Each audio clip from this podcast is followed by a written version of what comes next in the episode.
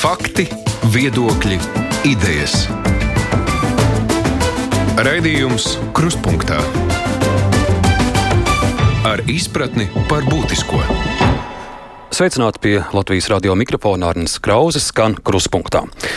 Darba nedēļa tuvojas noslēgumam, un varam jau sākt apkopot šīs nedēļas bilanci. Protams, joprojām galvenā aktualitāte ir Covid krīze, taču arī citi svarīgi temati, un tos pārunāt esam aicinājuši kolēģus žurnālistus. Sveiki, es teikšu Ansim Bogustavam, TV24 žurnālists. Kolēģis, sveiks, Ansi! Sesdien galvenā redaktora Lauma Spridzāna, sveika, Lauma! Delfi žurnālists Filips Lastovskis, sveiks, Filip! Labdien! un arī laikraksta dienas žurnālists Romanis Meļņiks. Romāna, labdien! Labdien! Kolēģis piedāvāja, nu, ierasti pirmais temats ir Covid, bet beidzot tā tradīcija ir jālauž, un, un es piedāvāju sākt ar kaut ko gluži citu, bet arī ļoti svarīga ziņa, manuprāt, šonadēļ saima tā tad ir apstiprinājusi amatā jaunu augstākās tiesas priekšstādātāju Aigaru Strupišu, viens no svarīgākajiem amatiem valstī. Turklāt eh, deputāti to izdarījuši lielā vienprātībā. Uh, visi, neviens nav balsojis pret, 91 balss. Reti, kad tik augsts amatpersonas šādā vienprātībā apstiprina. Kolēģi, ko jūs zinat par Aigaru Strupišu? Es zinu ļoti maz, tādēļ es šodien nopirku žurnālu Ir, kur ir liela intervija ar viņu. Es zinu, arī citos mēdījos noteikti tuvākajās dienās būs plašākas sarunas. Uh, man ir tikai viena epizode, uh, Kā es pazīstu Aigaru Strupišu, un tā ir pozitīva. Pirms uh, vairākiem gadiem toreizējais valsts prezidents Rēmons Vējons Rīgas pilī rīkoja diskusiju, kur bija vairākas simt Latvijas tiesnešu, un diskusijas temats bija tiesu varas un uh, sabiedrības tiesu varas un mediju attiecības, kā tās uzlabot un veicināt. Un toreiz arī ar priekšlasījumu uzstājās Aigars Strupišs, un man tas bija liels pārsteigums, ka viņš, kā augstākās tiesas tiesnesis, uh, ļoti skaidri norādīja, ka kolēģiem tiesnešiem daudz aktīvāk ir jāskaidro savi spriedumi, ir jāskaidro savi lēmumi, ir daudz aktīvāk jākomunicē ar sabiedrību, un tas, tas man likās tāds pozitīvs signāls. Par jaunu augstākās tiesas priekšsādātāju, kādas vēsmas tiesu varā viņš varētu nest? Es sākušu ar Filipu. Jā, sveiciens vēlreiz klausītājiem. Protams, es arī es arī daudz par šo cilvēku nezinu.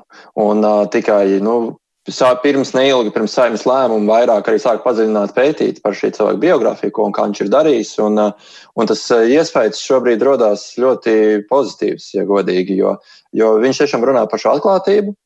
Viņš ir runājis arī par konkrētām iniciatīvām, par to, ka Tieslietu padomē vajadzētu dot šo lēmējvaras iniciatīvu.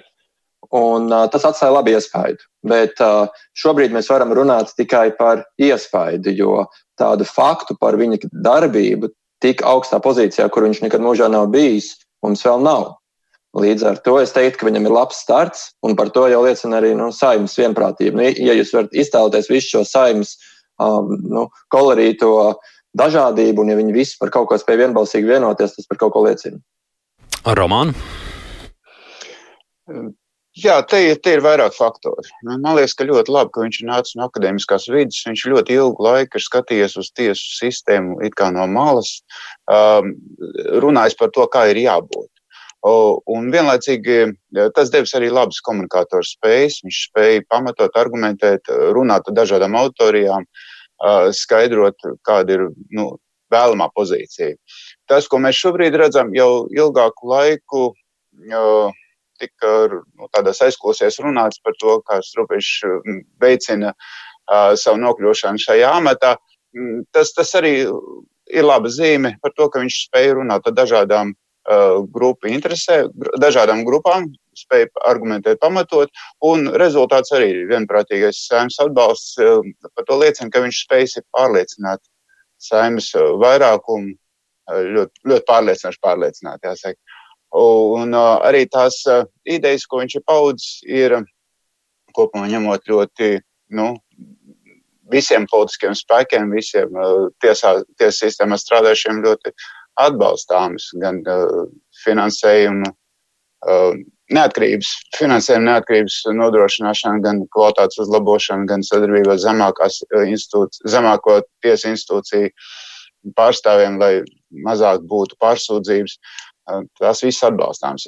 Tiesas, augstākās tiesas priekšsēdētāja amats vienmēr ir bijis tāds nu, vairāk ar tādiem nu, mītiem apveltīts, ka tas ir kaut kāds, kaut kāda interešu ietekmētājs, lai arī, nu, faktiski viņš jau nevar pieņemt lēmumus kaut kādās lietās vienpersonīgi, parasti tas ir kolektīva lēmuma. Šī gadījumā mēs redzam, ka nav pat tādas nu, aizdomainas, ka viņš pārstāvēt viens, otrs, trešos vai piektos. Viņš diezgan tāds uh, politiski neitrāls. Tā arī, man liekas, ir laba zīme. Un uh, tas, ka viņš tiešām spējas uh, nu, uzlabot, veicināt tiesu, augstākās tiesas darbības, jeb vismaz prestiža uzlabošanos. Tas arī ir visai ticams, jo viņš ir labs komunikācijā. Viņš ies noteikti runās ar visiem, kas no kā ir lēmuma atkarīgi.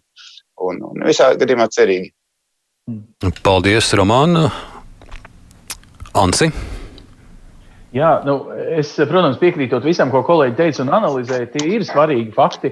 Man liekas, ļoti svarīgs fakts, ka viņš nav bijis, ja tā var teikt, gadiem iesēdējies augstākās tiesas, kā mm, nu, parastajā tiesneša līmenī, proti, ir mazliet arī jaunpienācējs, plus vēl tas akadēmiskais. Nu, tas dos nu, to sajūtu, ka viņš ir gatavs mainīties. Varbūt tas nav ļoti populāri atsaukties uz Aldi Gobzemu, kā cilvēku, kas ļoti bieži aizkavē ar savām domām visu saimas darbu, šoreiz viņu kā bijušos students. Trupiškungam gan es pamanīju to citātu, kad Globzenkungs novērtēja, cik viņš ir bijis nu, moderns kā pasniedzējs. Un, man liekas, tiesu varā, kurā šobrīd ir diskusijas tieši par tiešām jaunas, principā, nozares tiesas radīšanu šajās komerctiesībās, arī viņa paša pieredze tajā to pareizi, teikt, ielikt, jo viņš līdz šim tieši savā civil palātā bija, saprot, ar komerctiesībām specializējies. Nu, man liekas, tas ir īstais, nu, tas profesionālais eh, nu, pieredze, eh, kuru no šī cilvēka mēs tālāk, tad, eh, nu, protams, varam gaidīt. Man arī liekas ļoti svarīgi komunicēt spējas, jo šobrīd tiesu varai ir nākamais solis. Man liekas, viņi ir atguvusi tādu aizdomēnu, ka visi ir korupti. Viņai tagad ir jauns, nu, drīzāk pieprasījums būt efektīviem, būt nu, tādiem raitākiem savā gaitā.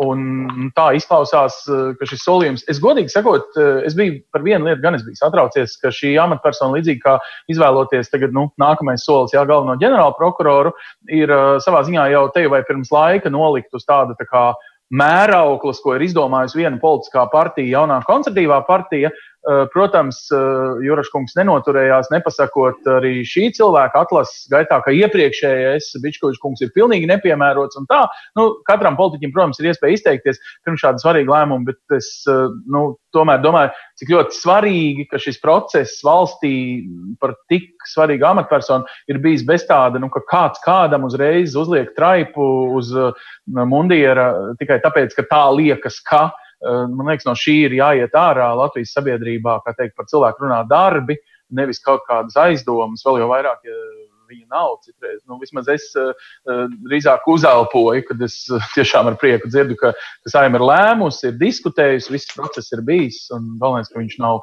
bijis nu, tāds tā kā, cilvēku cieņu pazemojošs, jo nu, tāda priekšsajūta, godīgi sakot, manī bija iezagusies. Paldies, Ants, un arī Lauma, tavs pārdoms.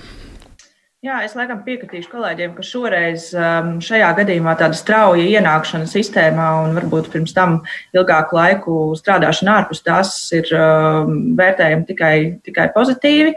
Un um, acīm redzot, tādas jaunas asins tur ir vajadzīgas, un tas varbūt šoreiz tiešām iedos tādu uh, kaut kādu grūdienu visai sistēmai mazliet sakārtoties un, un, un iet uz priekšu. Jā, Incents Kaigars Strupišs būs tikai ceturtais augstākās tiesas priekšsādātājs pēc neatkarības atjaunošanas. Vēl pāris nedēļas amatā Ivars Bičkovičs un īsi es lūkšu arī jums eh, pavērtēt eh, viņa šajā amatā. Nu, ir bijuši medijos arī gana daudz eh, kritisku komentāru un viedokļu un arī pa kādam skandālam. Atcerēsimies arī, ka pēc žurnāla ir pētījumiem un arī citu žurnālistu darbu saistībā ar maksātnespējas lietām un tiesnešu schēmām. Uh, nu, gluži Bičkovičs kungs nebija tas, kurš pirmais rosināja sākt uh, šīs lietas pārbaudīt. Tie bija paši tiesneši no tiesnešu vidus. Un tikai pēc šādas uh, šūpošanās iekšpusē tika pieņemta lēmuma paveitīt šos procesus, un arī bija uh, daži konkrēti tiesneši detalizētāk uh, iztirzāti disciplināru komisijās. Ivar Bičkoviča darbs šajā augstajā amatā. Mm. Es sākšu ar Filipatko. Jā, nu, pirmkārt, es gribu vēlreiz pateikt, ka žurnāla darbs šajā gadījumā ir nenovērtējams. Tiešām ieteiktu par to. Nu, tas ir spēcīgākais mēdījis, kas šo tēmu ir pētījis Latvijā, manuprāt. Uh, vienlaikus runājot tieši par disciplināru, disciplināru lietu komisiju un arī par to sajūtu Bičkoviča laikā par to, nevis sajūtu, bet faktiem, ko tad komisija izskata vai neizskata. Tad, uh, tad reāli no tiem iesniegumiem, cik gada laikā pienāk šajā komisijā, kas ir nu, par tiesnešu darbu, sūdzības par tiesnešu darbu, tad Strupišs kungs pats šodien ir precizējis, ka tie ap simts, bišķiņi virs simta, taču absolūti lielākā daļa no tiem ir tādas sūdzības, kurās nu, cilvēkam nav paticis spriedums, un tāpēc tiesnesis ir slikts. Un uz vienas rokas pirkstiem ir saskaitām tādi gadījumi, kur tiešām tiesas procesā ir bijusi kādi, teiksim, nu, vai neētikas vai, vai dziļāk pārkāpumi. Līdz ar to pārmest Bičkovičam vien, viennozīmīgi, ka viņš, teiksim, neizskata šādu veidu sūdzības, arī nevar. Taču, nu, drī, drīzāk, nu, es kritiski skatītos, skatītos tieši uz viņu paveikto, arī žurnāli ir izpētītā kontekstā. Lauma. Nu, jā, man laikam grūti būs savilkt tā uzreiz uh, kopā visus, visus skaļās lietas un skandālus, kas šogad laikā ir bijušas. Um, es drīzāk piekrītot arī jā, kolēģi, es drīzāk teiktu, ka uh, varbūt ka tā ir arī tāda sajūta līmenī, mazliet, um, kas tagad arī tas, ko mēs tikko, tikko teicām, savukārt par, par jauno AT priekšsēdētāju. Um, ka Bičkovičs kungam tas sanāca taisni pretēji. Varbūt tā bija komunikācijas arī neprasme, varbūt tās bija kaut kādas lietas, kuras pat uh, būtu iespējams diezgan uh, vienkārši no, nokomunicējot pareizi un varbūt īstajā brīdī viņas komentējot, uh, mainīt. Um, jā, tā kopējā sajūta varbūt nav tāda ļoti uz tādas um, plus nots, bet vienlaikus es arī Es laikam negribētu teikt arī, ka tas ir tāds absolūti, absolūti izgāšanās vai, vai, vai, vai um, ka tagad būtu pilnīgi viss jāmaina tiesu sistēmā. Es teiktu, ka tās drīzāk ir kaut kādas tādas tie atsevišķie uzsvari un tās lietas, uz kurām arī žurnālisti savos pētījumos ir norādījuši, ka tas ir ļoti labi, ka tās ir celtas gaismā un tagad jau nākamais varēs strādāt ar to uz priekšu un mainīt šīs lietas. Ansi. Nu jā, man ir bijuši pāris tādi novērojumi, ka Bičkovičs kungs eh, drīzāk eh, teikt, steidzās pāri parkam prom, nevis atbild uz žurnālistu jautājumiem, pat ja tie jautājumi ir neērti. Un vienīgais, ko tu vari teikt, ka kamēr tiesas process nav beidzies, tikmēr tu nekomentēsi, jo esi, piemēram, eh, lietā iesaistītās tiesas pārstāvis vai nu visas tās standarta atbildes, pie kā mēs, protams, esam pieraduši. Nu, dažreiz tas ir jautājums, kā tu skaisti pasaki e, nu, to neko, ko tu vispār e, drīkst pateikt. Nu, tajā ziņā Bičkovičs kungam nu, jā, nevarētu likt e, lielisku atzīmi no otras puses. Man jāatzīst pāris reizes ielūgums uz atvērtajām durvīm, uz informatīviem semināriem esmu saņēmis, un tad vienmēr ierodas kaut kas nu, tāds politiski aktīvāks, un tu uz to neaizēji. Es pieņemu, ka nu, šis laumas pieminētais nu, lēnīgums reakcijā, nevis reaģēt nākamajā dienā, tad, kad tā ir aktualitāte, Nu, no tiesas mēs, protams, to ātrumu nevienmēr gaidām. Galu galā tā ir augstākā tiesa, kas eh, ļoti bieži daudzām lietām ir pēdējā instance. Ja?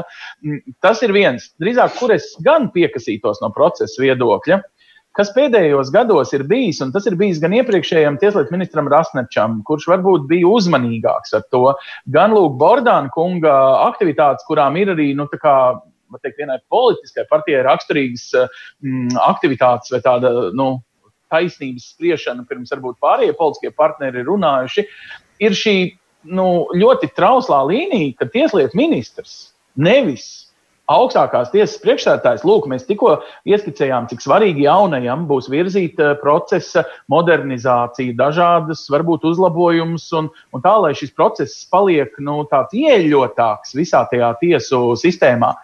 Manuprāt, tas tam bija jānāk no uh, nu, augstākās tiesas priekšsēdētājs ir tiesu varas simbols. Tā kā valsts prezidents ir valsts uh, kā tādas simbols.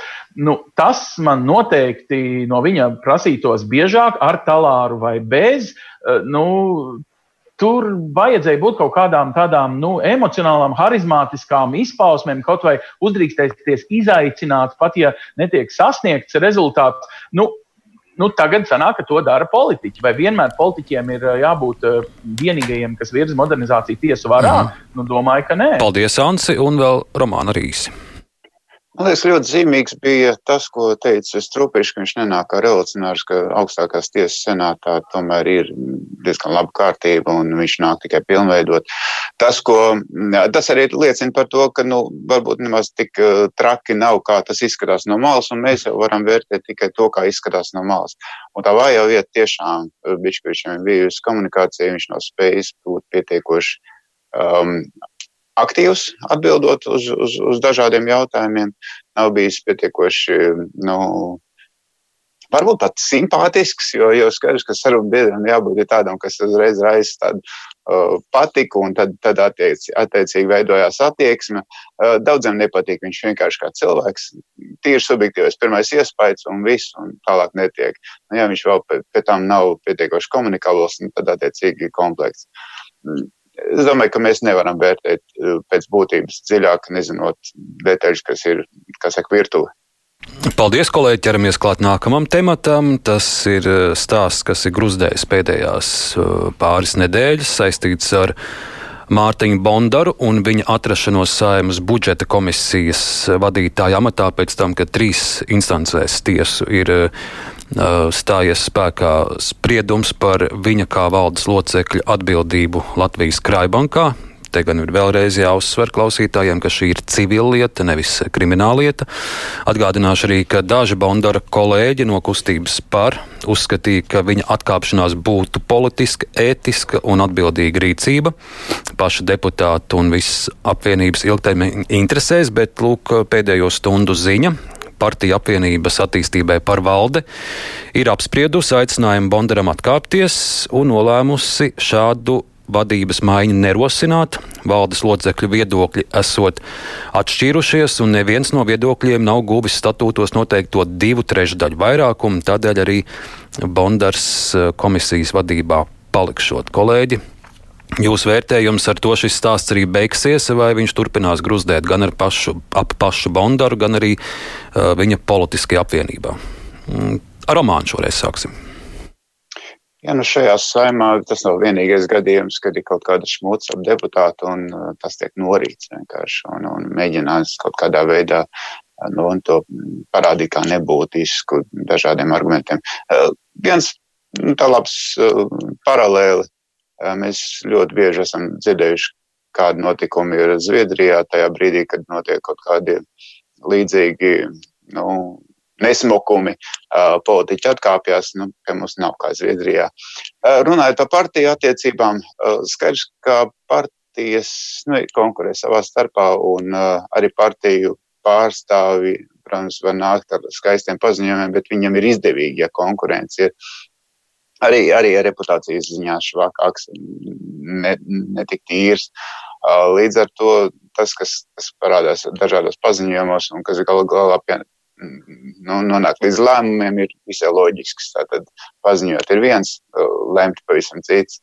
Skaidrs, ka Bondars paliks, tāpēc, ka viņš ir pietiekoši ietekmīgi partijā, partijā personu un nav tajā partijā tik daudz tādu spilgtu politiķu kā viņš, lai arī, nu, es neteiktu, ka viņš nes milzīgi daudz punktus uh, šai organizācijai. Lauma. Jā, man prognoze laikam arī ir, ka, ka viņš paliks tur, kur ir. Kaut gan, uh, nu, jāatzīst, ka šis ir tas gadījums, ka tas ir absolūti neizprotami. Un, manuprāt, tur vispār nebūtu jābūt bijis nekādiem jautājumiem. Tam vajadzētu būt bijušam, nā, nākušam no viņa paša un uzreiz momentā. Un vismaz um, komisijas jā, vadītāja krēsla tur, tur vajadzēja uzreiz uz to noreaģēt un uzreiz arī atkāpties. Filip?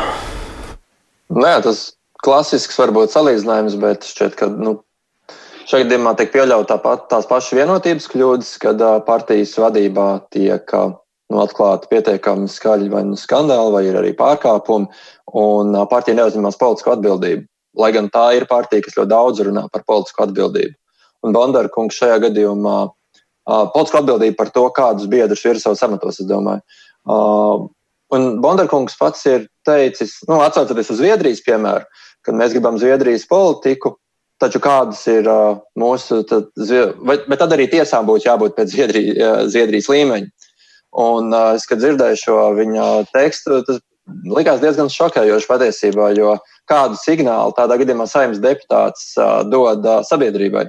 Ja tu saki, ka uh, tiesas lēmumu viņš varbūt neņem pilnībā šajā gadījumā pēc atbildības principa ar pilnu, tad tā drīkst darīt, tāpēc, ka tas nav kaut kāds Zviedrijas līmenis šajā gadījumā. Uh, nu, vēlreiz jāuzsver, ka šīs ir trīs tiesu instances, kas skatīja šo lietu.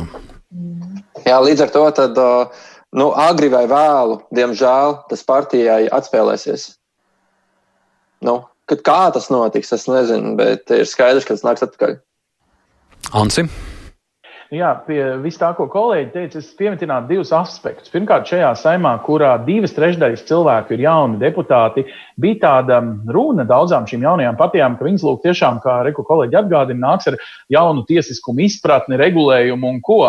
Um, nu, šajā saimā gan Artus Kaimiņš, nu jau pie nevienas politiskas partijas, var teikt, nepiedarošs cilvēks vēl aizvien ir, uh, lai arī ir dažādi procesi un tur arī ir nu, vecā patiesība arī šķietams interešu konflikts ir interešu konflikts politiķim, varbūt ne cilvēkam, tā teikt, parastajam.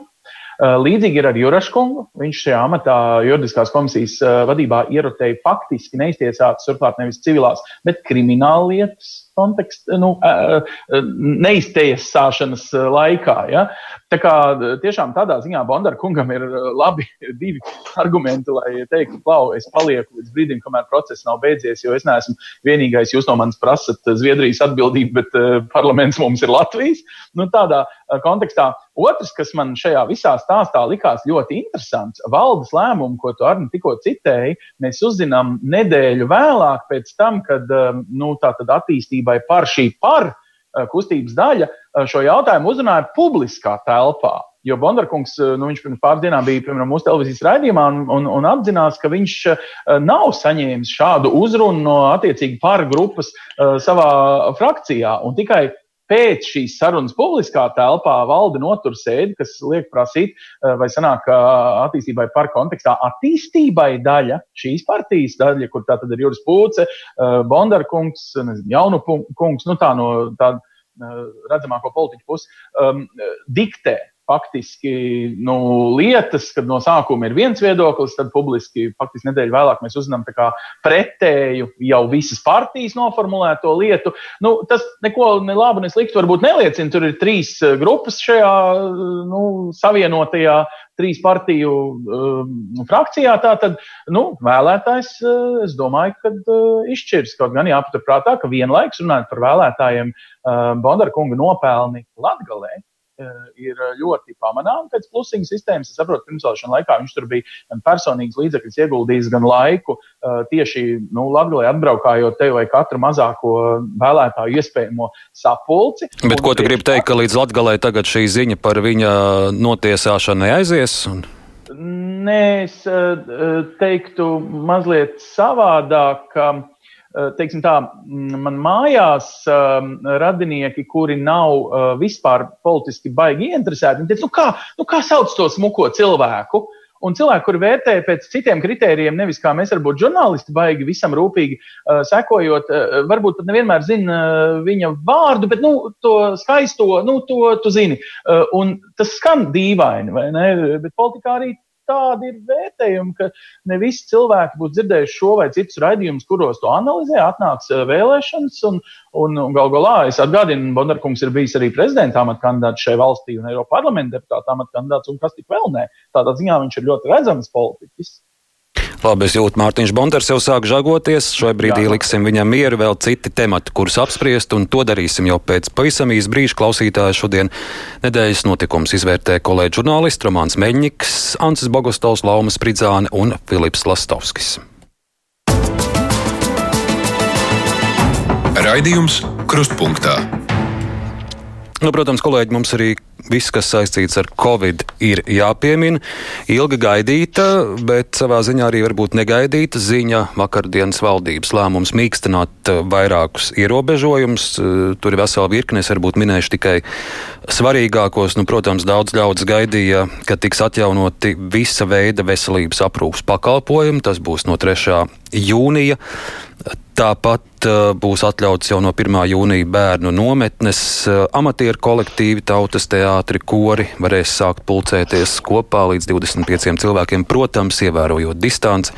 Es domāju, uh, svarīgs arī lēmums par 12. klases eksāmeniem, ka ja vien nebūs temperatūra vai kādi simptomi, skolāni varēs nevilkt šīs aizsargmaskas, jo, nu, godīgi sakot, trīs stundas jau tā spriedzes pārņemtā telpā, kur eksāmenis sēdēt ar šo masku cilvēkam, kurš nav mediķis, kurš nav pieredzējis tik ilgu laiku ar tādu, tādu lietot, tas, protams, rada papildu spriedzi. Bet, uh, Kāpēc es saku gaidīts un negaidīts? Jo es atminu, ka vēl pirms pāris nedēļām speciālisti veselības ministri teica, ka kāda lielāka atvieglojuma varētu nākt jūnija vidū. Ka, ja viss būs labi, uh, Jāņus pie Jāņu ugunskura. Mēs jau varēsim tādā lielākā ģimenes uh, pulkā vai tuvāko draugu pulkā mm, sagaidīt un svinēt, uh, vai šie ierobežojumi, atvieglojumi ir, ir tieši tiešām tādēļ, ka speciālisti saka, ka šobrīd nu, daudz maz nostabilizēsies situācija. Vai tas ir lielā mērā bijis arī uh, sabiedrības spiediens, jo, nu, ko tur liekties, daudz cilvēku no šī visa ierobežojuma klāsta ir saguruši un ne visi vairs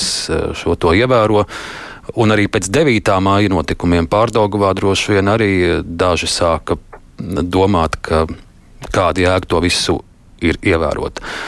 Kolēģis, valdības lēmums, es sākšu ar Filipu Lūdzu. Mhm. Es par to sabiedrības pašu spiedienu šaubītos, jo sodu neviens vēl nav atcēlis. Teiksim, policija aizvien var sodīt tajā brīdī, kad ierobežojumi tiek pārkāpti. Un, un mēs zinām, ka tas ir varbūt tāds nu, galējs, bet ļoti nu, stiprs stimuls ievērot nosacījumus.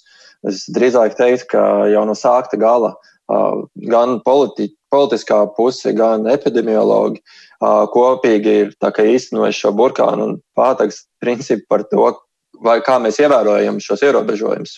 Mūsu rādītāji kopumā nav slikti. Mēs esam starp tām Eiropas Savienības dalībvalstīm, kuriem šie rādītāji ir viena no labākajiem, kā arī šis pārkāpumu skaits kopumā valstī nav liels par ko mēs zinām ar, no informācijas no policijas. Un, jā, protams, 9. maijā gadījums bija tik spilgts, ka nu, vienkārši grūtāk iztēloties vēl spilgtāk, lai kā tur pēc tam uh, iekšlietu ministrs taisnotos. Taču es nezinu, vai tam ir bijusi tik izšķiroša loma. Šaubītos drīzāk. Lauma.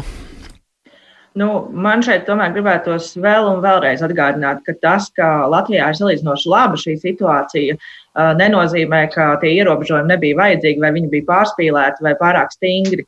Tas nozīmē tikai to, ka viņi ir nostrādājuši un ka mums ir izdevies salīdzinoši līdz šim vismaz iziet salīdzinoši sausām kājām. Tāpēc es tomēr laikam mazliet nepiekritīšu. Es domāju, ka tas ir savā ziņā vairāk domājot par to, lai, um, lai sabiedrība, uh, nu, tīri cilvēciski, ka cilvēki vienkārši ir noguruši no šiem ierobežojumiem, un um, to arī var šobrīd ļoti labi redzēt. Uh, ka tās vietas, kas ir vaļā, tās um, uh, tajās vietās, kur cilvēki pulcējās, viņi tiešām to dara. Un, um, tur es, es tomēr teiktu, ka tur distance pārāk netiek ievērotas, lai neteiktu vairāk. Un, uh, kā mēs arī zinām no, no ziņām, um, starptautiskajām, tad šobrīd jau nu, ļoti konkrēti izskan šie, šie, šie brīdinājumi par otro vilni. Es domāju, ka tas tur no tā neizbēgt, un tas noteikti nāks. Kā, nu, redzēsim, kā situācija attīstīsies. Bet katrā gadījumā um, es, es noteikti nepiekritīšu tiem, kas saka, ka, ka varbūt vajag vēl vairāk mīkstināt un ka tas viss ir pārspīlēts. Noteikti nē. Nu, Laumja par starptautiskajām ziņām eh, vakar arī lasīja, zvie, kamēr gaida otro vilni, piemēram, Zviedrija joprojām cīnās ar pirmo vilni, un tur ir pēdējo 30 gadu eh, lielākie mirstības rādītāji tieši šajā Covid laikā fiksēti. Tieši tā, un ja mēs atceramies, Zviedrija ir tas piemērs, kurš bieži tika piesaukts, ka redziet, kā Zviedrija, viņiem šie, šie ierobežojumi ir krietni mazāki, un redziet, kā viņiem viss notiek, un tad mēs redzam sekas. Tā kā, par to arī droši vien ir vērts aizdomāties. Anci. Jā, es domāju, tā, ka valdība ilgtermiņā var pazaudēt savu, sauksim viņu galvenā vārdā, leģitimitāti vai ticamību vai uzticamību, ja viņa pieņem kaut kādus regulējumus, ko vispārējie principā neievēro. Un tad ir vieglāk nu, vai nu pēc laiciņa atgriezties pie tiem, ja ir medicīnisks pamats, vai arī nu, vienkārši es, es pieņemu, ka premjerministrs arī ir skatījies, kā izstāsta trolēļus vai tramvaja vagoni garām braucošie, kuros patiesībā pie prasības visiem būt maskās. Nu, nav tur visi maskās, ja, un, un, un dažādi sociālo tīklu pilnie stāsti par to, ko, ko nebūtu viņi tur iedomājās. Zinām, nu, arī no tāda politiskā viedokļa nu, ir jau arī grūti ministram, kam prasa, vai jums patīk, ka, nu, jā, sākot ar 9. maiju, kurā ir viens, kas ir aizliegts, un otrs, kas notiek reāli, beidzot ar nu, reālo ikdienas, tādu visparastāko dzīvi. Es gan te pieliktu vienu manu novērojumu, Lamtu runā par tām sabiedriskās pulcēšanas vietām, kā es atvainojos, nu, tur krodziņi un tādi, kur varbūt ir tādi, nu, pilsētas realitāte un jaunieši, kuri mm, varbūt ir nu, drošāki, gatavāki, vēlas arī savstarpēji eh, nu, iepazīties, ja, nu, kā teikt, randiņš. Es vakar biju parastā frizētavā, un es pēc tam aprasījos vēl nu, dažām citām um, sabiedrisko pakalpojumu vietām. Jā, kad mēs ejam lielveikalā, mēs redzam cilvēkus, kuri tiek mudināti ātri iziet, bet reāli uz šo iespēju pierakstīties pat ar pierakstu, kas ir uh, viens no ne, regulējuma veidiem, tikai caur pierakstu, tikai atstāts vienam no otra klientam un tā tālāk. Patiesībā no septiņiem meistariem uh, strādā divi jo nav vienkārši pieraksta. Es domāju, tā ir arī maza tāda realitāte par ekonomiku. Ne jau tā, ka katrs otrais ir saņēmis dīkstāvu pabalstu. Un, ja tu neļauj cilvēkam nu, reāli darīt savu darbu un faktiski cerēt, ka nopelnīs kaut daļu no līdz šim pelnītās algas, eh, nu, tādā ziņā nu, valdības budžets jau ir tik liels ar visu aizņēmumu, cik viņš ir. Un, eh, nu, viņš jau ir grūts, vai ne? Jo tā ir ļoti mums nepierasta aizņēmuma summa. Es domāju, ka valdība vienkārši sāk likt arī aizvien vairāk ekonomiskos apstākļus uz uh, šo lēmumu. Līdz šim pārsvarā tie bija tādi temīdas svaros likti medicīniski apsvērumi. Paldies, Ansi un Romāna! Jā, nu, ir ārkārtīgi grūti noturēt cilvēku mobilizāciju, augstas pakāpes un mobilizāciju situācijā, ka tas apdraudējums it kā nav tik liels. Pie mums tomēr tā situācija visu laiku mēs lielamies, ka mums to saslimušo ir ļoti, ļoti maz salīdzinot ar citiem, mirušo maz salīdzinot ar citiem, un tam mums tās prasības it kā visu laiku bija jātur. Um, Līdz ar to, ka eh, arī ekonomikai ir diezgan smags šis brīdis, ir pilnīgi loģisks valdības eh, solis. Varbūt epidemiologi to negribētu tādu pieļaut. Nu, tagad vienkārši spiest piekāpties. Bet um, tas, kas mani baida, ir tas signāls, kas tiek raidīts, ka nu, tad varam atslābt, nav vairs mm. tāda apdraudējuma. Un, un dažas tās piemēras es esmu novērojis šajās dienās stāvējām pie aptiekas, ārpus aptiekā var iet tikai viens cilvēks, un attiecīgi rinda stāv ārpus, ievērojot divu metru distanci, un iet garām viena krievu sieviete, un saka, ko jūs muļķi tādi, gan arī ne, ākstaties, un Covid ir projām, viss ir kārtībā. No nu, Romāna nevajag arī krievu sievieti, viens latviešu vīrietis mums nu pat brīvajā mikrofonā zvanīja ar tādu ironiju. Nu, tas taču tāds es, parasts es vīrusiņš, ko jūs te visi traci cerat. Tieši tā. Ir, ir, ir vienkārši, es domāju, ka Krievijas sabiedrība arī dzīvo tādā Krievijas informatīvā telpā, kur, kur šo, šo uh, situāciju arī mazliet savādāk arī traktē. Bet uh, otra, otrs piemērs ir tas, kas notiek lielveikalos. Es šodien biju vajadzība iebraukt depo, un nu, tur milzīgi daudz atkal cilvēku. Nu, tur nepārtraukti tiek ziņots, ievērojot divu metru attālumu un, un, un tā tālāk. Uh, nu, ļoti maz cilvēki šobrīd tiešām acīm redzami ievēro šo divu metru distanci. Atkal ir sākusies uh, tāda iepirkšanās drudzes, atkal ir sākusies vecā labā dzīve. Un līdz ar to es domāju, ka uh, tas risks palaižot šādu signālu par to, ka nu vairs nav tā jābaidās. Un pat ar visu piebildu, ka, protams, ievērojot divu metru distanci, bet to divu metru distanci piebildi jau neviens vairs neklausās. Visi, nu, visi Roman, man tas novērojums atkal ir diezgan pretējs, jo arī apmeklējot veikals vai redzot, kas notiek pie sabiedriskā transporta pieturām, es redzu, ka šī krīze ir iemācījusi vienu lielu daļu cilvēku nebāzties virsū. Nu, tomēr krietni, krietni mazāk grūstās pie kasēm, ļauj man uh, sap, salikt manā papīra maisiņā iepirkumus, un, un tikai tad nākamais nāk. Es redzu arī, ka daudz solidāk cilvēki ir pie tramvaja pieturām vai, vai autobusa un, un, un negrūžās, palaiž, ievēro šo metru ne visi bet ļoti daudzi. Tāpat arī šis norādījums, ka jāvelkā sejas maskas. Ja pirmajās dienās tie bija transportā, cik es vēroju, varbūt pāris cilvēku, šobrīd es redzu, tā ir jau lielākā puse, un, un, un dažreiz varbūt kāds viens, divi vagonā nav uzvilkuši masku. Līdz ar to ir mans secinājums, ka, ka šī krīze patiesi ir apliecinājusi, ka mūsu sabiedrība daudz ir atbildīgi ir disciplinēta, un, un arī tas ir iemesls, kādēļ mēs esam salīdzinoši viegli e, šajā statistikā izgājuši cauri. Nu, protams, vēl ejam cauri šai krīzē. Ansi. Jā, jā nē, es pilnīgi piekrītu tam, ko tu saki, ka uh, sabiedrība ir lielā mērā nopelnījusi to atvieglojumu. Nu, tādā ziņā ar visu piesardzību, protams, no valdības puses, bet ar, ar tādu cieņu Uh, un respektu. Es arī, varbūt, ja drīkst tā, gribu pamatot, kāpēc es um, uztraucos par to ekonomisko apstākļu, kas valdībai ir arī aizvien spiedīgāks. Nu, pēdējās dienās starptautiskie mēdīji, kā teikt, arī paši žurnālisti var šur tur arī pat ierasties klātienē un secināt situāciju. Runa arvien nopietnāk paliek par um, nu, piemēram, starptautiskās pārtikas organizācijas krājumiem. Līdz šim tā bija organizācija, kas no ANO budžeta saņēma attiecīgi finansējumu. Šobrīd viņi godīgi pasaka, finansējumu nav, vai arī viņš ir izsīts. Protams, tas ir finansējums, kas ir nu, vienkārši pārtika, ko sūta tā saucamajām trešās pasaules valstīm. Tur tas nu, ātrums, ar kādu šī organizācija ir, piemēram, sociālajos tīklos, kā līdz šim sev netipiski sākusi vākt līdzekļus no cilvēku personīgiem ziedojumiem, jo līdz šim tās bija nu, tā nevalstiskās organizācijas, nevis lūk, šādas ANO struktūras. Tad tagad katrs no mums tiek mudināts, ja vien mums ir tāda iespēja uzņemties, ja tā var teikt, šefību, katru dienu vismaz vienu maltīti sarūpēt kādai ģimenei, nu, kādā valstī, kurā, nu, kā piemēram, piemēram, es klausījos vakar BBC radio, tur uh, Indijas iedzīvotājs saka, es pēdējās septiņas dienas esmu dzēris tikai ūdeni, jo pēdējo naudu, kad es gāju uz veikalu, man atņēma policisti, kas ielika man cietumā un cita ar nojām, tāpēc, ka vispār mums ir karantīnas laikā, nedrīkst nekur iet, man vairs nav ko ēst, un drīz es vienkārši izbeigšos Vēl jau vairāk, ka man arī vairs nav naudas, par ko pat nopirkties. Varētu aiziet pēc šī ēdiena. Un mēs runājam par Indiju, ja, par lielāko nu, demokrātiju pasaulē.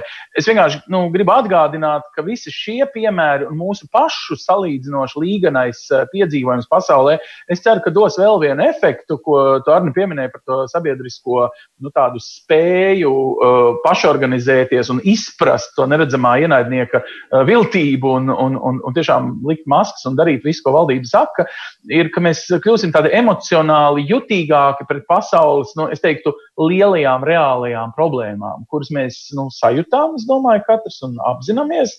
Pats vēl apzināmies, cik laimīgi mēs esam, ka viņas mums nu, ar tādu joni mhm. nenāca virsū kā citām valstīm. Nu, vēl jau var ticēt, un parasti viņam var ticēt Tomam Brīsim. Vasara tuvojas, un, un tas būs arī sauļošanās laiks un došanās uz pludmalēm. Es nu, pat pirms brīvā mikrofona arī skatījos Vācijas ziņas, kur Nīderlandē, piemēram, tagad ir ļoti labs laiks, un tur ir tūkstošiem, tūkstošiem cilvēku pludmalēs pie Ziemeļjūras. Un vietējie ir ļoti satraukti un mudina cilvēkus nebraukt tādos baros. Tūlīt arī mums sāksies labs laiks, un mēs atceramies, kas bija, kad pirmā pavasara saule uzspīdēja salkrastos, kur vietējie bija ļoti pikti, ka, ka visi rīdzinieki pēkšņi ir attapušies, ka ir salkrastos uh, jūras māla, kur pastaigā. Droši vien te arī tā atbildība ir jāmudina visiem tagad neskriet uz, uz vienu punktu. Mums tomēr ir tik, tik gara jūras līnija. Un vēl viens tās par ekonomiku, ko jūs kolēģi arī minējāt. Eh, nu, pat, eh, ja ir šī atvieglojuma un būs vēl arī citi, tas, ko es redzu šodien nākot eh, uz Latvijas radio Doma laukumā, vecrīgi ir tukša. Nu, tik tukšu galvaspilsētas centra es, es nekad neesmu pieredzējis, un droši vien šeit uzņēmējiem pagaidām nekādi ierobežojumi, atvieglojumi vēl krietnu laiku neko nepalīdzēs, jo, jo viesnīca ir tukšs. Vakar gribēja te kaut kur papusdienot radio apkārtnē, es nevienu vietu neatradu. Un, un vienā ātrajā ēstuvē dabūjiet iekšā.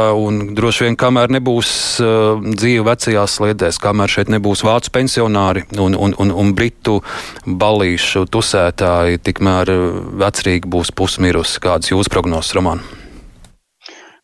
Nu, tā tas ir. Tāpēc ir vajadzīgs atjaunot avio reises, tāpēc ir vajadzīgs atjaunot autosatiksmi, tāpēc ir vajadzīgs atjaunot arī kaut kādas cilvēku pulcēšanās iespējas. Lai, lai tā ekonomika drusku izdzīvotu kaut vai, kaut vai vasaras sezonā no turisma. Loģiski. Bet nu, tas, tas nes līdzi arī riskus par to, ka varbūt atkal cilvēku pulcēšanās var nest arī jaunu vīrusu vilni. Pabeidzot šo Covid stāstu, vēl nu, drīz jau būs trīs mēneši kopš šī krīze ir, un, un tas arī tāds laika posms, kas dod iespēju pavērtēt, eh, kā mūsu amatpersonas, kā mūsu valdība cauri šim visam ir izgājusi. Eh, nu, bija šie klupieni, tos lielākos atgādināšu, gan, gan eh, aizsargu masku iepirkums un, un neatbilstība kvalitātes standartiem gan arī stāsts par dīkstāvas pabalstiem, kur, kur atklājās, ka daži ļaudis uh, saņēma dažus eiro centus tikai, un, un tur pagāja krietnes laiks, kamēr uh, tā sistēma tika sakārtot. Kā kopumā valdība vai arī konkrēti ministri ir, ir, ir, ir tikuši un tiek galā ar šo visu? Uh, Filips, sākšu ar tevi. Jā, teiksim tā, nu, varētu dalīt divās daļās. Viena daļa varētu būt tā, kā valsts ir pieņēmusi lēmumus attiecībā uz šiem ierobežojumiem, kā politiskā daļa ir sadarbojusies ar epidemiologiem, kur man liekas, es liktu ļoti labu atzīmi kopumā. Sliktu atzīmi, sliktu uh, pār komunikāciju, kas ir sekojusi uh, tieši šajā te, uh, daļā, kad mēs runājam par iepirkumu caurspīdīgumu. Un ka tajā brīdī, kad mēs sākam runāt par šādu procesu, kas mums būtu svarīgs arī daudzās citās krīzēs, tad pēkšņi šī valsts puse sāk izmantot argumentus, ka nu, nu, ļaujiet taču mums elpot, mums ir jāglābj valsts. Un tajā brīdī sabiedrība nevar zināt, kurā brīdī tā ir atruna, jo tā ir izdevīga un visiem saprotama, un kurā brīdī tā ir nevēlēšanās sniegt informāciju. Un tā, kas vismaz no mana mēdīja pārstāvētā puses, tā pieredze ir bijusi tāda, ka tā nespēja sniegt informāciju bija visai ievērojama.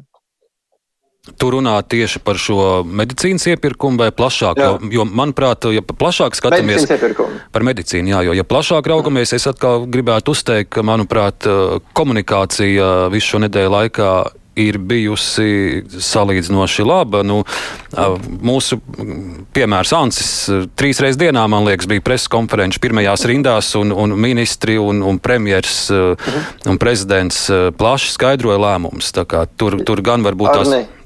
Es, es, es gribētu vēl precizēt, ka pašā sākumā es pats arī publiski esmu izteicis komplimentus par to, kā uh, tieši veselības aprūpē iesaistītās institūcijas reaģēja. Cik tajā brīdī, kad cilvēki baidījās vēl no mediķiem uh, kombinācijos, šajos aizsargtērpos, kad viņi brauc apkārt, kad bija sašutums, tad, uh, tad mediķi nebaidījās likt tur Facebookā bildes, pajokot, kā viņi ir reizēm pat ar uh, šiem magaiverenes lentēm aptinuši rokas, lai tur, piemēram, noizolētu kā, kādas praugu starpiem, kas tiešām bija, man liekas, cienījami atvērti tādā forša atklātība. Taču tā, tā ir nodalāma, manuprāt, arī no tā procesa, kas saistās ar, ar, ar, ar, ar iepirkumu procedūras caurspīdīgumu un šādu veidu lēmumu pieņemšanu, kas tas nav viens un tas pats. Lauma. Jā, es gribētu arī mazliet paturpinot, nodalīt arī savukārt divas lietas. Uh, Tā pirmā, es teiktu, ka, ja mēs tieši par to krīzes komunikāciju un krīzes lēmumiem runājam, es teiktu, ka diezgan pozitīvi, jo arī tie tavs pie, tevis pieminētie tie paši dīkstās pabalsti vai vēl citas lietas, uz viņiem tomēr uz tām kļūdām tika arī diezgan ātri reaģēts. Nu, nevar teikt, ka eh, tas netika ņemts vērā. Un mums jāatcerās, ka te nebija no kā mācīties. Un nebija tā, ka tur būtu, es nezinu, gadiem veidoti plāni vai stratēģijas, un tagad eh, mēs viņus tikai mēģinām ieviest dzīvē, un tad nu, pēkšņi atduramies, ka nekas nav pareizi. Eh, bet tā otra lieta, varbūt, par ko arī runā Filips, kas patiesībā parāda to, ka tās ka tur jau problēma nav saistīta ar krīzi. Tā ir vienkārši mūžīgā problēma, man liekas, Latvijā saistībā ar iepirkumiem, kas, kur mūždien šīs caurspīdības ir par maz, kur šīs kontrolas ir par maz. Un, nu, kad acīm redzot, šis tikai vēl, vēl un vēl, vēlreiz parādīja, ka, jā, ka tur ir problēmas, ka par to vajadzēs domāt arī ne tikai šajā krīzes laikā, bet arī pēc tam, un ka tas nav saistīts ar krīzi, tas ir principiāli problēma Latvijā. Ansi. Jā, mani ļoti uzmanīgu dara pēdējā laikā, vismaz mani personīgi uztrauc, un tie kaut vai Filipa pieminētās, vai to arī laikam teica par tām nu, video konferencēm. Jā, mēs žurnālisti viņām sekojam, ja mēs paskatāmies, cik daudz viņām dēļ formas, viņas ir ļoti grūti uztveramas, tādas pašas runājušas galvas, kā mēs te, un ļoti bieži tāda izvairīšanās arī no tiešām atbildēm. Uh, un man uztrauc tas, ka tā forma ir palikusi tik uh, digitāla un vairs netiek nu, runāts ar cilvēkiem nu, tādā nu, tā klātienes lēmumu valodā. Es neredzēju pēdējās pāris nedēļas vairs pamatu, kāpēc ministra kabinetam ir jāsēž e-konferencē, kas ir gari. Tas vienmēr ir slēgti. Ne visam ir jābūt slēgtam. Tātad mēs esam atgriezušies krietnus soļus, un tas ir tas otrais punkts, kas man uztrauc nu, tāds demokrātijas deficīts, par ko runā sākot ar Vācijas ārlietu ministru un daudziem citiem um, nu, rietumu līderiem uh, par, nu, var teikt, totalitārām vai autoritārām valstīm. Es to manu arī savā valstī. Uh, kad žurnālistu klātiene nozīmē, ka nu, politiķim kaut vai trīsreiz paprasīsim, bet viņam man jāatbild, un, un ja es gribu, uh, pat ja mans jautājums ir stulbs, bet viņš nav pilnīgi atbildējis, tad nu, jā, šis vairs nav iespējams videokonferencē. Nu, teiksim, nu, kaut vai tā pati saima ieslodzīta savā e-vidē, nu arī principā ir eh, maz izsekojama vairs. Ja? Uh, ir pati nogurusi no sevis dēļ šīs formas. Jā, bet es, es varbūt maldos, bet kolēģi labojiet man, bet man liekas, ka žurnālisti šobrīd nemaz saimnes namā netiek laist iekšā. Ja? Tieši tā. Tieši tā, tā ir taisnība. Nu, tiesa gan es saprotu arī to iemeslu, un tādā ziņā mēs laikam varam sekot šim video gaitai, bet viņi ir tik lēnīgi un tik liela daļa no manas darba dienas, ka es nu, vienkārši fiziski, piedodiet, nevaru. Bet tev ir taisnība, Arnijā, no pirmās e, nu, atgriešanās pie šīs lēm, lēmumu pieņemšanas saimai e-vidē, mēs tur netiekam kā, klātienē, protams, aicināti. Bet un tas Roman, nav vienīgais. Jā, Ants, paldies, un Roman, jā, vēl īsti tav, tavs vērtējums. Nu, tas preskonferences vai tās dalības kaut kādos sapulcēs ir vērošanas, nav vienīgais metods, kurām mēs strādājam, ja var piezvanīt un, un patiešām izrunāties ar dažādiem speciālistiem. Bet eh, šī situācija noteikti ir tāda kā dzīves skola, mēs nebijām iepriekš piedzīvojuši neko tādu. Un ļoti iespējams, es pat, nu, pat simts punktus likts par to, ka tādas situācijas atkārtosies, ja ne ar šo vīrusu, gan ja būs kāds cits, un, un mums būtu jābūt gataviem. Līdz ar to tas svarīgākais būtu šobrīd ļoti, ļoti vispusīgi un, un, un skrupulozi izanalizēt to pieredzi, kas mums ir visās jomās, visos, visos griezumos. Un, ja ir nepieciešami kaut kādi likuma labojumi, normatīvu labojumi, tad tie būtu jāveic. Jā, kolēģi, mums vēl ir dažas minūtes, un es gribētu ar interesi uzklausīt jūsu viedokli. Šī krīze ir nesusi dažādas digitālas jaunumus, un uh, viens no tiem būs arī nākamdēļ Latvijas iedzīvotājiem būs uh, pieejama bezmaksas uh, lejuplādēja jauna aplikācija, kura ziņos par gadījumā, ja jūs esat Covid slimnieks, par jūsu atrašanās vietu un par jūsu kontaktiem, tiek gan norādīts, ka netiks atklāta tur uh, identitāte un tā tālāk, bet uh, vairākās valstīs kaut kas līdzīgs jau darbojās, tad viņi būs brīvprātīgi un bez maksas ielādējumi telefonā, vai, vai jūs uh, paši būtu gatavi ielādēt šādu aplikāciju telefonā, vai jums nav bāžas, ka jūs kāds varētu izsekot. Uh, Facebookā es komentāros lasu, kad, kad ir daži cilvēki, kuriem liekas, ka šī ir uh, Bila Geitsa plāns, kā viņas izsakos. Eh, man gan arī jāatgādina, ka jau gadiem jebkuru telefonu, manuprāt, policija var izsakot, ja cilvēks sēņo un pazūd mežā, tā ir iespēja, kā viņu var atrast. Bet, nu, lūk, šāda aplikācija, vai jūs tādu izmantot, vai ir pamats ar aizdomām uz ko tādu skatīties pavisam īsi, Filipa? Nu, es nezinu, vai tas ir objektīvs jautājums, piemēram, nu, žurnālistiem un mēdīju pārstāvjiem, jo loģiski mums jāsako līdzi jaunākajām tehnoloģijām, un mēs to, es vismaz to darītu. darītu jā. Tīri interesi pēc, kā tas strādā. Nu, cita lieta ir jāskatās, ka jā, Latvijā ir augsts interneta lietojums un tā mediju pratība tehnoloģijās paaugstinās, tur 11 gadniekiem vispār ir simtprocentīgi internetu lietojuma Latvijā pēc TNS datiem - ap 100%. Taču tad, kad mēs runājam virs 55 gadiem un veciem senioriem, tad jā, lietojums ir augsts, tie tāpat ir virs 50%, kas ir labi, bet tur tāpat paliek ievērojama daļa, kas to nepratīs un nemācīs. Un tā ir tieši ievainojamākā daļa. Paldies, Ansi! Es noteikti, es eh, arī kā bērnu tēvs, tagad gan arī domāju, ka arī vēl ceturtajam bērnam jānopērk eh, mobilais telefons, lai varētu šo aplikāciju pārlādēt, jo viņi citādi lieto podziņu mm, telefonu. Mums vecā, vecmāmiņai, dzīvojam vienā ģimenē, vecmāmiņai ir 91 gads, un viņa ir ievainojama, un viņai nav podziņu telefons. Tad, cik es varu no darba, var teikt, pārnest mājās to uh, Covid, attiecīgi es jūtos atbildīgs un noteikti izmantošu. Turklāt es atvainojos, mēs lielākā daļa, kuriem ir tādi telefoni, jau lietojam Facebook, un tā tad tas slavenais galvenais ļaunais Bills Gates vai kurš nebūtu tur gribēja mūs um, nu, izsekot, jau to sen dara. Tā kā vienkārši izpūšiet gaisu un uh, palīdziet šai Latvijā radītajai aplikācijai dzīvot, iziet visus testus un varbūt tik pārdotai vēl kādas citas valsts uh, labā un uh, tādā veidā padarīt mūsu valsts. Paldies! Tagad Romāns ievēl gaisu, lai atbildētu uz šo jautājumu. Lūdzu, Romāna! Jā, man, man mazliet skepsi raisa tas, eh, ka tik liels eh, cerības tiek likts uz vienu aplikāciju, kuru noteikti nelietos visi. Ja lietos kāda puse no sabiedrības, tas vienalga nedos to pilnīgo efektu, kas būtu nepieciešams.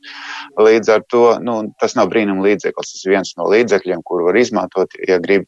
Bet eh, par izsekošanu pilnīgi piekrītu visās aplikācijās, ja mēs ielādējam viņas telefonā, ir pietiekoši skaidri redzams, ko viņas dara. Kā, Un Lauma, kādā veidā izsako. vienā teikumā atbildē.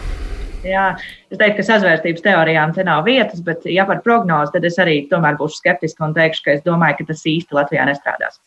Kolēģi, liels paldies par dalību šodien Kruspunkta. Ants Bogostovs, TV24 žurnālists. Sestdien galvenā redaktora Lauma Spridzāne, Delfī žurnālists Filips Lastovskis un laikraksta diena žurnālists Romāns Meļņiks šodien Kruspunktā apkopoja nedēļas notikumus. Paldies jums! Klausītāji, pirmdien pēc mazas atelpas pie kruspunktā stūres atkal atgriezīsies Aidis. Un uh, raidījuma producents kā ar vienu ir Evija Unāma. Studijā šodien bija Ārnis Kraus, lai jums jaukas, siltas un ļoti saulēnas brīvdienas. Jau pēc īsa brīža Latvijas radio jaunākās ziņas. Fakti, viedokļi, idejas. Raidījums Krustpunktā ar izpratni par būtisko.